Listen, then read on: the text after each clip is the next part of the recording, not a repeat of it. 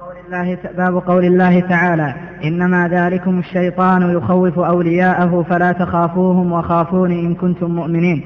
وقوله إنما يعمر مساجد الله من آمن بالله واليوم الآخر وأقام الصلاة وآتى الزكاة ولم يخش إلا الله فعسى أولئك أن يكونوا من المهتدين.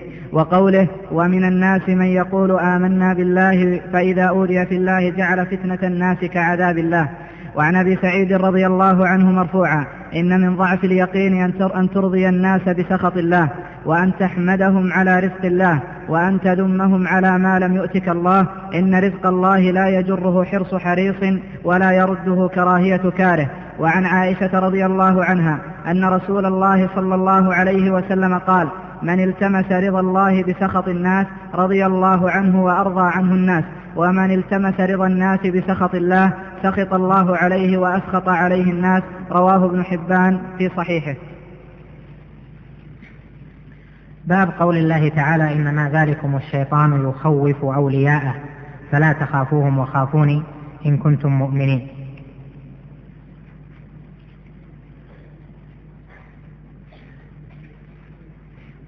هذا الباب في بيان عبادة الخوف ومناسبته لكتاب التوحيد ظاهرة.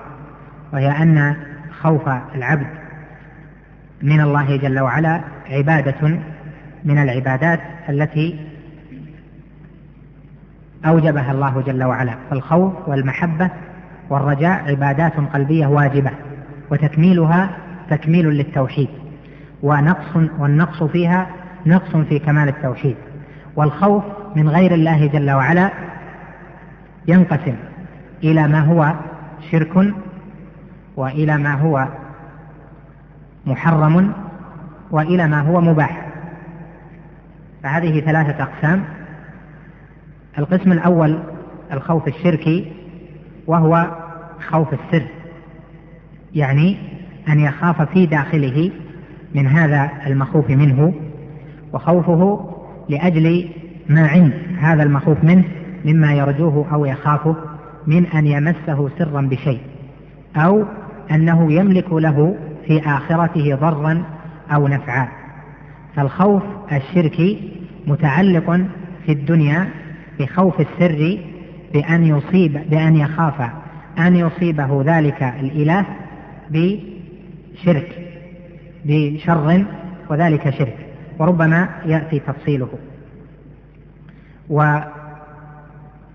والخوف المتعلق بالآخرة خاف غير الله وتعلق خوفه بغير الله لأجل ذلك. لأجل أنه يخاف أن لا ينفعه ذلك الإله في الآخرة. فلأجل رغبه في أن ينفعه ذلك الإله في الآخرة وأن يشفع له وأن, يتق... وأن يقربه منه في الآخرة وأن يبعد عنه العذاب في الآخرة خاف منه فأنزل خوفه به. فالخوف من العبادات العظيمة التي يجب أن يفرد الله جل وعلا بها وسيأتي مزيد تفصيل لذلك. والخوف المحرم وهو القسم الثاني أن يخاف من مخلوق في امتثال واجب أو البعد عن المحرم مما أوجبه الله أو حرمه. يخاف من مخلوق في أداء فرض من فرائض الله. يخاف من مخلوق في أداء واجب من الواجبات. لا يصلي خوفا من مخلوق لا يحضر الجماعة خوفا من ذم المخلوق له أو استنقاصه له. هذا محرم قال بعض العلماء وهو نوع من أنواع الشرك. يترك الأمر والنهي الواجب بشرطه خوفا من ذم الناس أو من ترك مدحهم له أو من وصفهم له بأشياء فهذا خوف رجع على الخائف بترك أمر الله. وهذا محرم لأن الوسيلة إلى المحرم محرمة. النوع الثالث الخوف الطبيعي المأذون به وهذا أمر طبيعي كخوف من عدو أو خوف من سبع أو خوف من نار أو خوف من مؤذن ومهلك ونحو ذلك. قال باب قول الله تعالى إنما ذلكم الشيطان يخوف أولياء فلا تخافوهم وخافوني إن كنتم مؤمنين.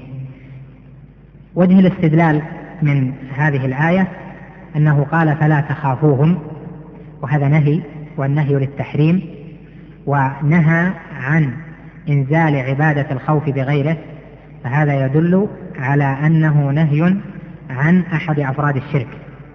قال وخافوني إن كنتم مؤمنين وأمر بالخوف فدل على أن الخوف عبادة من العبادات وتوحيد الله بهذه العبادة توحيد وإشراك غير الله معه في هذه العبادة شرك.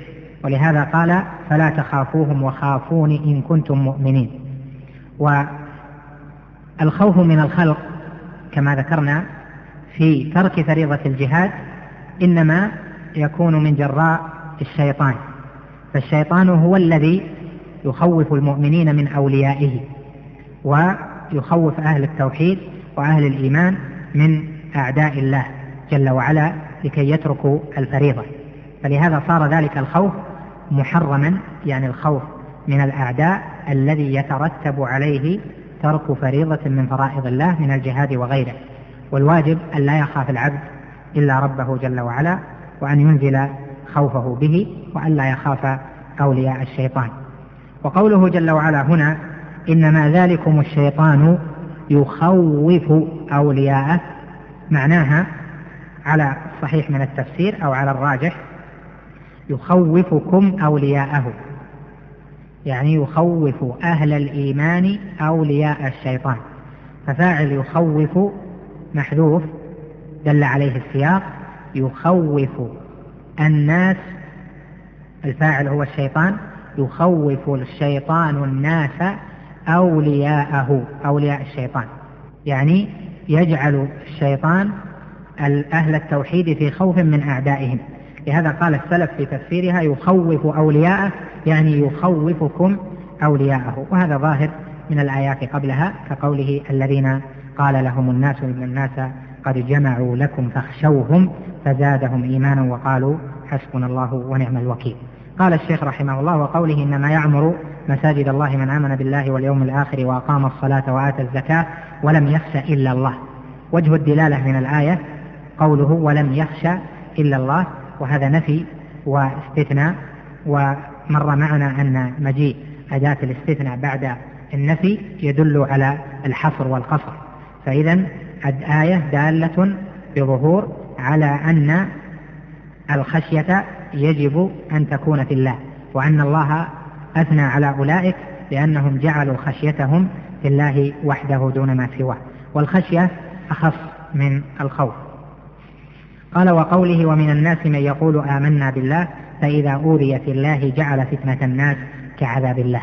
جعل فتنة الناس كعذاب الله بأن خاف منها وترك ما وجب الله ما أوجب الله عليه أو أقدم على ما حرم الله عليه خشية من كلام الناس. قال عن أبي سعيد رضي الله عنه مرفوعا إن من ضعف اليقين أن ترضي الناس بسخط الله وأن تحمدهم على رزق الله وأن تذمهم على ما لم يؤتك الله. إن رزق الله لا يجره حرص حريص ولا يرده كراهية كاره. وجه الاستدلال من هذا الحديث قوله إن من ضعف اليقين أن ترضي الناس بسخط الله. من ضعف اليقين يعني من أسباب ضعف الإيمان. والذي يضعف الإيمان المحرمات لأن الإيمان يزيد بالطاعة وينقص بالمعصية. فدل على أن إرضاء الناس بسخط الله معصية وذنب ومحرم لأن هذا الذي أرضى الناس بسخط الله خافهم أو رجاهم وهذا مناسبة إيراد الحديث في الباب. قال وعن عائشة رضي الله عنها أن رسول الله صلى الله عليه وسلم قال من التمس رضا الله بسخط الناس رضي الله عنه وأرضى عنه الناس ومن التمس رضا الناس بسخط الله سخط الله عليه وأسخط عليه الناس. رواه ابن حبان في صحيحه. هذا جزاء الذي أفرد الله بعبادة الخوف وجزاء الذي لم يكمل التوحيد في عبادة الخوف. فالذي التمس رضا الله بسخط الناس هذا عظم الله وخافه ولم يجعل فتنة الناس كعذاب الله. بل جعل عذاب الله جل وعلا أعظم فخاف الله وخشيه وطمع فيما عنده فلم يلتفت إلى الناس ولم يرفع بهم رأسا.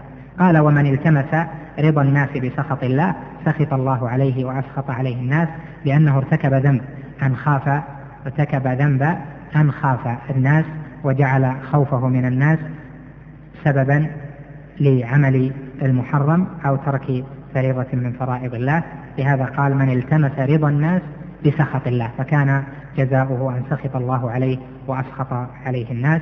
ونقف عند هذا وأسأل الله جل وعلا لي ولكم التوفيق والسداد وأن يثيبكم على طول المقام والجلوس. وهي أيام قليلة لكن تكتسبون فيها إن شاء الله ما